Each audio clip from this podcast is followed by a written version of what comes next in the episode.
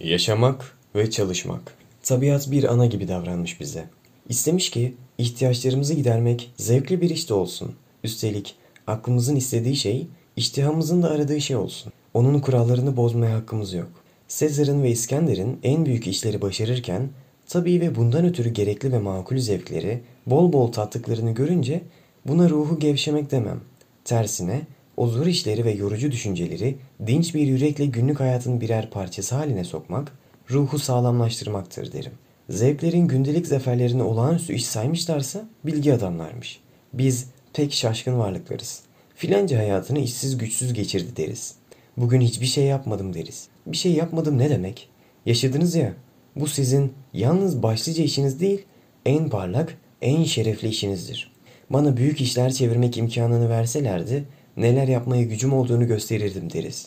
Önce siz kendi hayatınızı düşünmeyi, çevirmeyi bildiniz mi?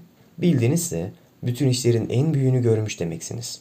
Kendini göstermek ve iş görmek için büyük fırsatlara ihtiyaç yoktur. Hangi mevkide olursa olsun perde arkasını da perde önünde de insan kendini gösterir. Bizim işimiz kitap doldurmak değil, ahlakımızı yapmaktır. Savaşmak, memleket kazanmak değil, yaşayışımıza dilik düzenlik getirmektir.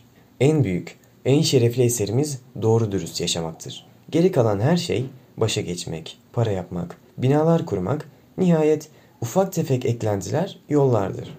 Bir kumandanın az sonra hücum edecek olduğu bir kalenin eteğinde dostlarıyla tamamıyla serbest ve rahatça, kaygısızca sohbete dalması, Brutus'un herkesin kendisine ve romanın hürriyetine karşı pusu kurduğu bir sırada gece dolaşmalarından birkaç saat çalarak tam bir sükun içinde Polybius'u okuyup notlar yazması ne güzel bir şey. Düşündükçe içim açılır. Ancak küçük ruhlar işlerin ağırlığı altında ezilir. Onlardan sıyrılmayı, bir yerde durup yeniden başlamayı bilmezler.